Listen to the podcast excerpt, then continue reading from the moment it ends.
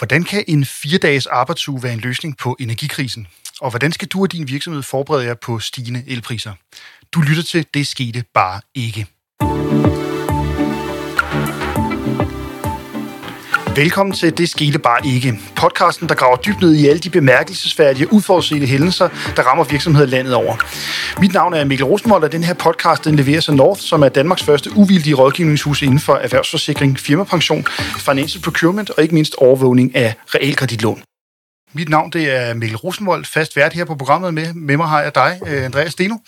Du er tidligere bankøkonom og ved også rigtig, rigtig meget om energiøkonomi og energisituationen.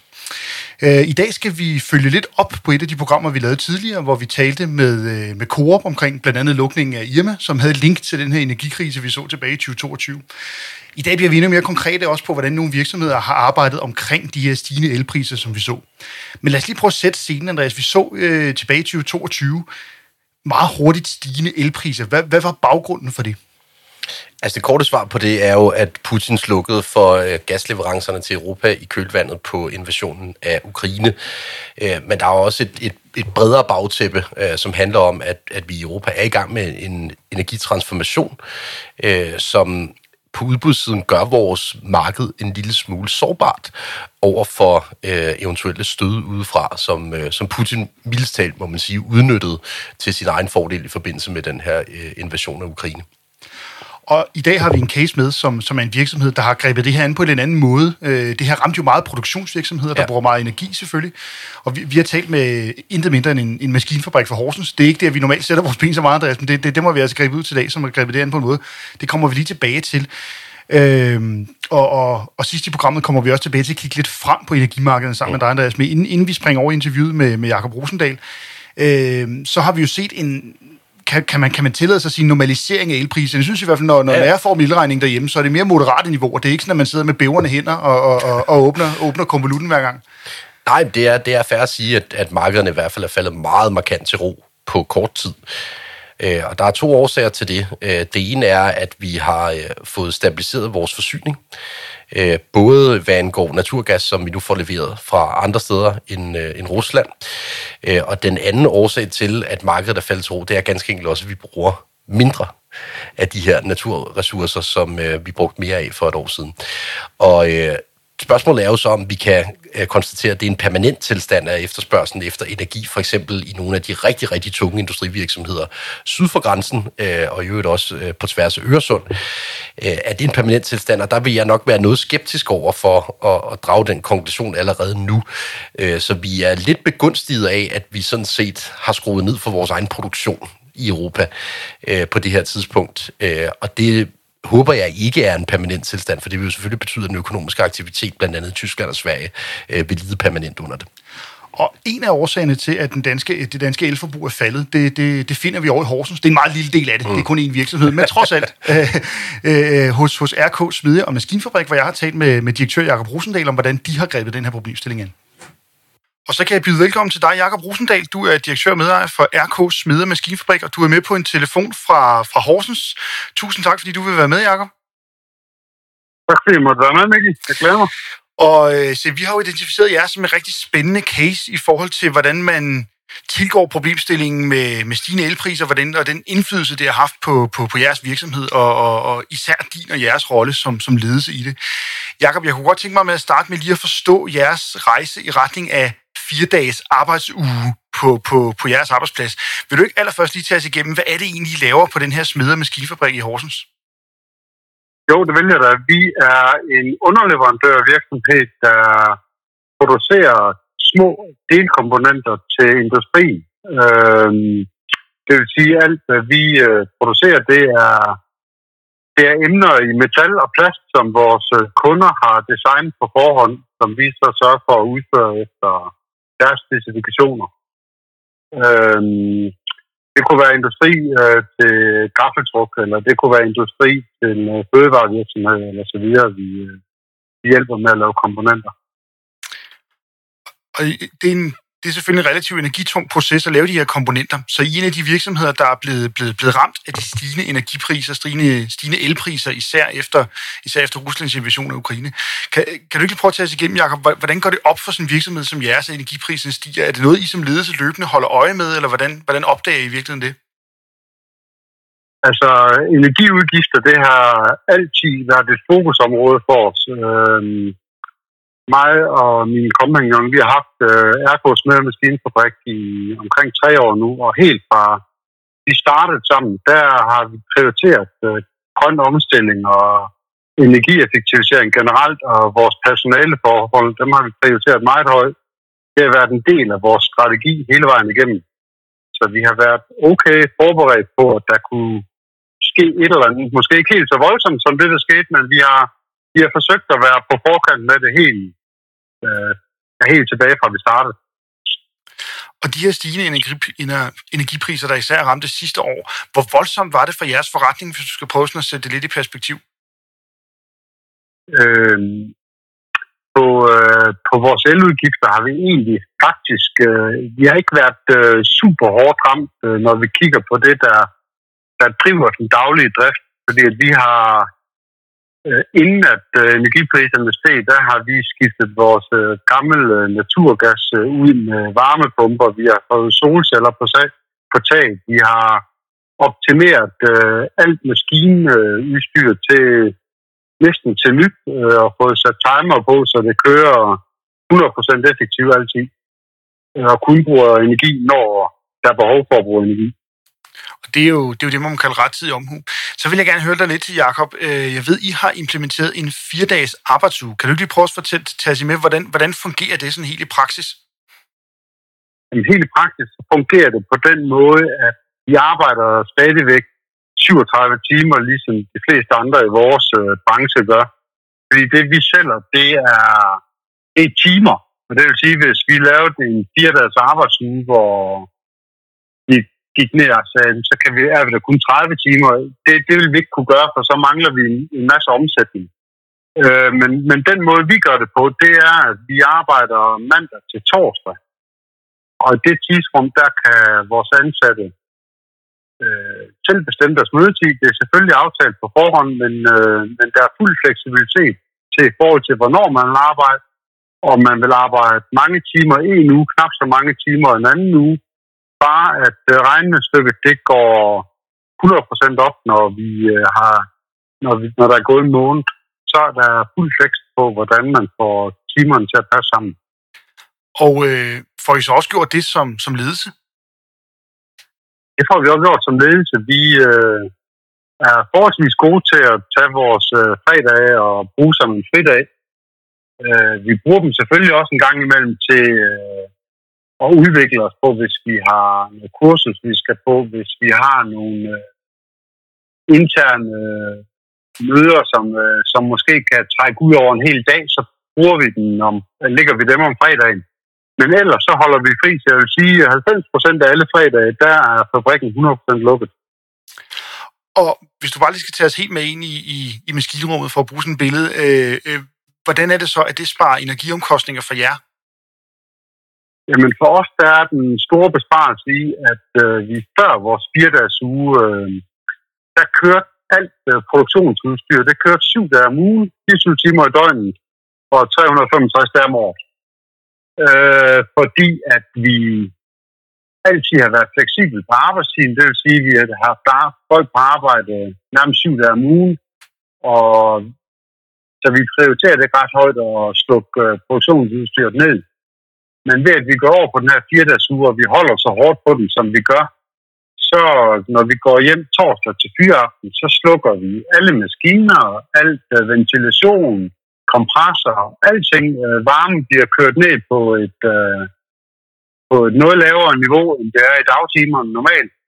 Uh, så vi har tre dage, hvor vi næsten ikke bruger strøm. Uh, og strøm er den eneste energikilde, vi sådan tilfører. Så, så på den måde sparer det rigtig meget, øh, rigtig mange kilowatt på årsbasis. rigtig interessant. Jeg vil godt lige komme tilbage til, hvad det, hvad det har betydet for jeres arbejdspladser for medarbejderne, men hvis vi bare lige bliver sådan ved, ved, ved de hårde tal og, og, og, og fakta her, øh, så kommer I jo igennem 2022 med, med, med ganske pænt overskud på lidt over 2 millioner kroner, så vidt jeg kunne læse mig frem til. Øh, øh ja. Havde I gjort det, hvis ikke I havde energioptimeret, havde jeres resultat så været mærkbart dårligere?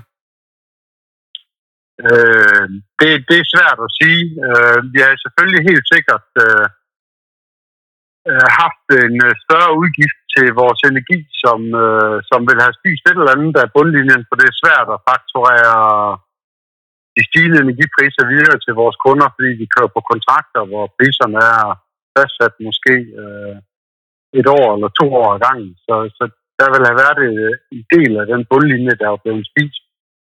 Men jeg tror også en del af overskuddet, det er, det er genereret af, at vi har fået sammensat et, øh, superhold af medarbejdere, som trives og motiveres. Øh, vi bruger rigtig, rigtig meget tid på at, at tale om de ting, der gør det sjovt at være på arbejde. Fordi, øh, vi ser det lidt ligesom om, at man spiller sport, og de fleste synes, det er fedt at være på et hold, der har succes, og hvor man har det sjovt med at, at have succes, i stedet for at bruge en masse krudt på at fokusere på omsætning og på bundlinje, det bruger vi ikke ret meget krudt på. Det, de ting følger helt automatisk med, fordi vi har de her super seriøse og motiverede medarbejdere, der gerne vil gøre de 5% ekstra for, at det hele det skal lykkes. Det er rigtig interessant, fordi man kan sige, at jeres, alle jeres maskiner, de, de har jo ikke rigtig nogen holdning til, hvornår de, de er tændt og slukket, men det, det kan jeg forestille mig, at medarbejderne har. Hvordan, øh, øh, hvordan reagerede medarbejderne? Hvordan har det, har det her påvirket jeres, jeres medarbejdertilfredshed og generelt kulturen på jeres, arbejdskraft, øh, på jeres arbejdsplads? Øh, med fire dages arbejdsuge, tænker du? Ja, lige præcis, lige præcis. Ja, jamen det har, det, det har været haft super positiv uh, indvirkning, fordi alle, alle har jo hver sine øh, behov, altså i forhold til at få familielivet til at til at spille, og man kan sige, hvis, hvis det ikke fungerer på hjemmefronten, så kommer det heller ikke til at fungere på arbejdspladsen. Så derfor så tror vi på, at vores øh, primære opgave for at have succes i hverdagen, det er, at vores medarbejdere trives, og de øh, kan få deres arbejde til at kaste ind i den øh, rytme, de har øh, med deres familie. Og den er vidt forskellig for os alle sammen. Nogle har små børn, nogle har store børn, nogen er alene, nogen øh, har langt på arbejde, nogen bor lige ved siden af. Øh, der er mange forskellige behov, der, der skal kigges på, og det, øh, det har vi fået plads til med den her fire dages arbejdsuge, og det, det, det trives medarbejderne super i, og det gør egentlig også, at vi har fastholdt alle medarbejdere igennem den her periode, hvor vi har kørt uh, fire dages arbejdsuge. Det, så det, det, er, det, det er fedt det er alligevel ganske imponerende. Hvor, hvor mange medarbejdere har I, bare lige for at få det slået fast? Øh, rundt 20. Det er ganske imponerende at fastholde dem over sådan en periode. Det, det, det er der mange steder her i København, hvor det, det, er, det er meget, meget svært at få, det, få, få den slags fastholdelsestal i hvert fald. Øh, øh ja, lige præcis. Vil du lige prøve at tage os med ind i ledelsesrummet, da I tager den her beslutning? Hvordan opstår ideen, og, og, og hvordan fører I det ud i livet? Jamen, ideen opstår ved, at vi har en håndfuld medarbejdere, der der sådan over et par gange har kommet og spurgt til, at man ikke kunne gøre et eller andet. Måske at de kunne komme ned på et nedsat 10, eller kunne få lov til at tage nogle øh, ugenlige fridage en gang imellem øh, selvbetalt for at få deres øh, familieliv til at fungere. Og så øh, har vi øh, sådan et øh, møde øh, internt i ledelsen, hvor vi siger, det kunne også være, at vi skulle prøve at kigge på, om vi bare skulle indføre sådan en af de her fire dages arbejdsuger, som øh, der er så moderne alle mulige steder, og øh, det kunne da være meget fedt for os selv, synes vi. Så præsenterer vi den her idé, uden at have tænkt øh, den igennem sådan rigtigt, men vi præsenterer den på et månedsmøde for de ansatte og siger, at det her noget, vi skulle prøve at arbejde med? Det kunne være, at øh, hvis I nu øh, snakker med jeres kroner og kærester og sådan noget, og de synes, det er en god idé, øh, for det, det betyder selvfølgelig, at man skal øh, lidt før på arbejde, eller lidt senere hjem en gang imellem, men normalt skal man til gengæld få med nogle andre friheder. Og hvis øh, deres koner og kærester var med på det, så kunne vi prøve at, få beskrevet det spillereglerne for, hvordan vi gjorde det, og så kunne vi måske være klar med det her om halv års tid. Det var planen. Øh, folk synes, det var super fedt, og de, øh, det var en fredag, vi havde det her møde, og så kommer de øh, mandag og siger, vi har allerede tænkt over, det vil vi gerne. Øh, og kan vi ikke starte med det samme? Øh, så blev vi sådan taget lidt med bukserne. Nej, det var, det var vi ikke helt klar på. Øh, men øh, vi blev enige om at starte med det samme, så vi startede dagen efter, uden at have nogen som helst øh, regler skrevet ned. Vi har ikke aftalt noget med kunder, med leverandører, noget som helst. Vi gik bare i gang. Øh, og der er det selvfølgelig sådan lige lidt med rysten hånd, når man gør det. Øh, fordi, øh, hvad sker der med kunder? Nu kan de ikke få fat i en om fredagen, så vi har vi lavet telefonvagtordninger, og øh, de første måneder havde vi altid en på arbejde om fredagen, hvis der skulle komme nogen, hvis der var en mail, der skulle svares på, og, øh, og mens vi indførte det, så havde vi sådan en løbende aftale om, at vi hele tiden lavede opfølgningsmøder en gang om måneden og sagde, fungerer det for jer, fungerer det for os? Og hvis der var noget, der ikke fungerede, så prøvede vi at beskrive, hvad der skulle til for, at det fungerer. Øh, og det gjorde så efter en prøveperiode på cirka 6 måneder. Så øh, vi startede på det i januar 2022. Øh, så havde vi egentlig spillereglerne, som jeg kalder dem, øh, udarbejdet sådan en fællesskab. Og det, det spiller i dag nok 20 linjer på så der fire. Øh, og kunderne har efter 6 måneder ikke opdaget noget. Leverandørerne har ikke opdaget noget. Øh, så det, det, det er kørt lige så stille og glat og roligt igennem. Og alle har alle er blevet hørt i processen, og alle, alle føler, at de har været med til at bestemme, hvordan de øh, har fået den her ordning implementeret, og nu er den permanent. Så nu, øh, nu er det sådan, sådan kører, sådan hverdagen er rigtig spændende, Jacob. Jeg kunne godt lige tænke mig at dykke lidt mere ned i, i, i jeres kunder. Du, du er selv inde på, at kunderne øh, nærmest ikke har opdaget det her. Hvordan, hvilke tiltag gjorde jeg? Hvordan, hvordan, øh, hvilke tanker gjorde jeg omkring det? Jamen altså, da vi startede, var vi jo sådan meget øh, bekymret for, at øh, nu kunne kunderne ikke, øh, de kunne ikke ringe, og de kunne ikke bestille om fredagen. De kunne ikke få leveret varer om fredagen. Øh, så vi begyndte sådan stille og roligt at lave, at indføre faste leveringsdage til vores kunder, så vi er altid øh, shippet varen øh, mandag, tirsdag, onsdag og torsdag. Vi øh, var på mailen i starten, så vi fik svar, øh, men, men vi udførte jo som sådan ikke øh, et stykke arbejde. Vi svarede kun på de mail, der var nødvendige. Øh, men der kom ikke ret mange mail om fredagen. Det, det vi egentlig oplevede, det var, at vores kunder også havde travlt med at få afsluttet ugen, øh, blive klar til at komme på weekend. Øh, så fredag var egentlig en meget mere stille dag, øh, sådan når vi snakker kundekontakt og tilbudsgivning og forhandlinger, end vi egentlig gik og bildte os selv ind. Øhm, så, så udover at vi har prioriteret øh, at få kigget på, hvordan vi kunne strukturere leveringssikkerheden til kunderne, så er, vi så resten er kommet sådan lidt automatisk hen ad vejen. Øhm, det, det, har egentlig, det har vi egentlig næsten fået fra så ved at vi ikke have den, øh, vi ikke have så travlt om fredagen, som vi gik og troede. Så, um... ja, det, er jo, det er jo nogle gange, nogle gange, nogle gange kan det jo også være sådan en reality-check, det der med, hvor, hvor, hvor travlt man egentlig har, og hvor meget det egentlig haster med at få svaret på de forskellige ting.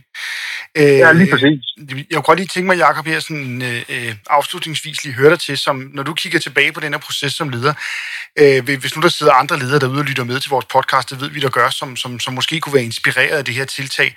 Øh, det kan selvfølgelig både være produktionsvirksomheder, så ja, men det kunne jo sådan set også være, være, være kontor, øh, kontorarbejdspladser, hvor man, øh, hvor man bruger rigtig mange ressourcer på, på, på at varme øh, øh, lokalerne op hvis man sidder derude og er inspireret af det her, har du nogen gode råd til, hvordan man skal gå til det, eller er der nogen, nogen ting, du ville have gjort, øh, ville, ville, ville ønske, du havde gjort anderledes? Altså man kan sige, hvis jeg, altså, hvis jeg kunne kigge sådan uh, tilbage, eller kunne kigge frem i tiden, så ville jeg gerne have implementeret det her meget før, uh, ja, okay. jeg har gjort. Men, men ellers så uh, er mit gode råd, det er egentlig bare at springe ud og prøve og, og se, hvad sker der. Altså, øhm, Jeg tror, jeg tror, det er positivt, de fleste virksomheder, det sagtens kan fungere. Øhm, og noget af det, der har været øh, for os, øh, os med til at øh, som virksomhed synes, det er en fed idé, det er, altså vi er, vi øh, styrer utrolig meget efter data, øh, og kigger på, hvor mange kroner investerer vi for at lægge en krone ned på bundlinjen, og de her data, de er bare væsentligt forbedret øh, i forbindelse med det her. Øhm, så det her med at motivere medarbejderne på den rigtige måde, finde ud af, hvad skal der til for, at den enkelte medarbejder trives, det, er, det har været øh, det har været det aller, aller vigtigste i hele den her proces. Det, det er det, der er med til at skabe en, en god forretning, som vi har i dag. Det er simpelthen, at vi har fået prioriteret og kigge på den enkelte medarbejder og den enkelte medarbejders behov i stedet for det hele, alle medarbejderne som en gruppe. Så øh, vi, øh, er meget fleksible og meget øh, inde i øh, at snakke med vores ansatte og finde ud af, hvad der, hvad der lige nøjagtigt skal til for at motivere øh, den enkelte mand. Øh, vi ser det, som jeg sagde før, som en sport. Altså, øh, der, der er stor forskel på, om man skal motivere en angriber eller en forsvar til en fodboldkamp. Øh, og sådan ser vi det egentlig også på vores ansatte. Vi, vi bruger rigtig meget krudt på at, at tale med dem og lytte til, hvad deres, øh, hvad deres ønsker og behov er.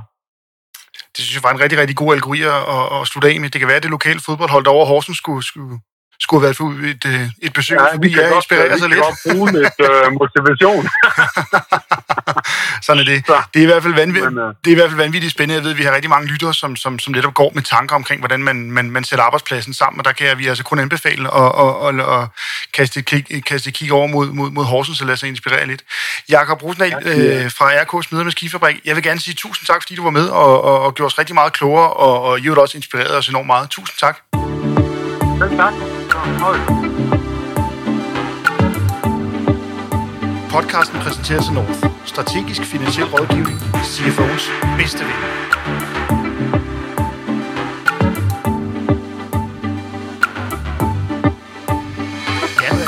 Altså øh, et blik fra det, nogen kalder Produktionsdanmark. Vi to sidder i København, det skal ikke nogen hemmelighed, det kan man sikkert også godt høre på os. Øh, så jeg synes, det, det, det er dejligt at blive inspireret.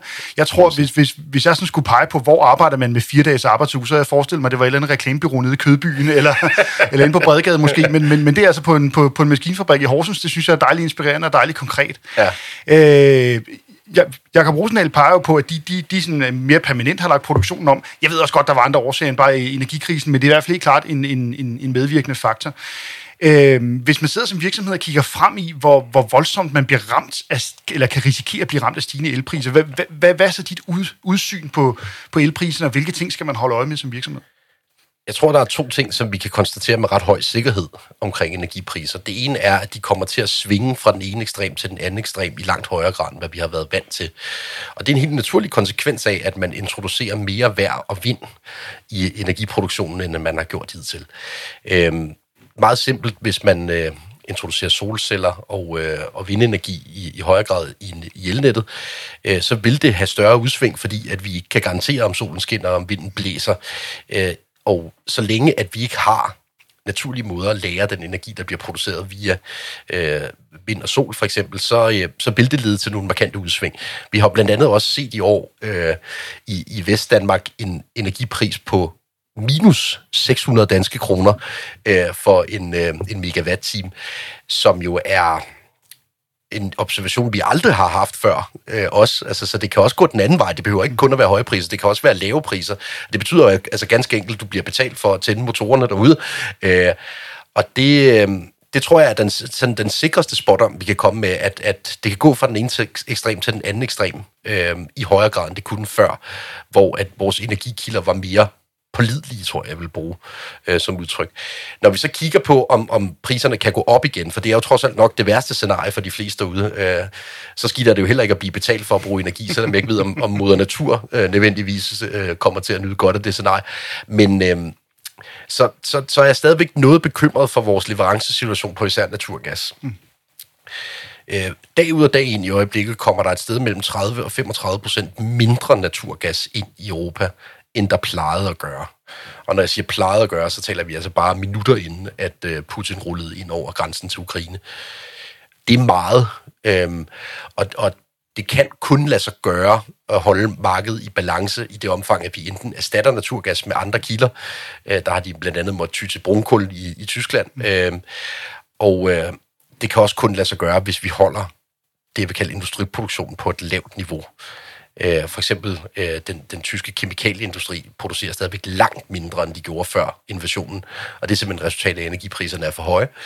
Øh, og det, øh, det håber jeg jo ikke er en permanent tilstand. Og, og min pointe her er, skulle vi se en eller anden form for comeback til industrien i Tyskland øh, og andre steder i Europa, så er det altså værd at holde lidt øje med de her energipriser igen, fordi der er ikke kommet væsentligt mere energi i de sidste to-tre kvartaler. Det er bare et spørgsmål om, at vi ligesom har fået balanceret tingene på udbuds- og efterspørgselssiden.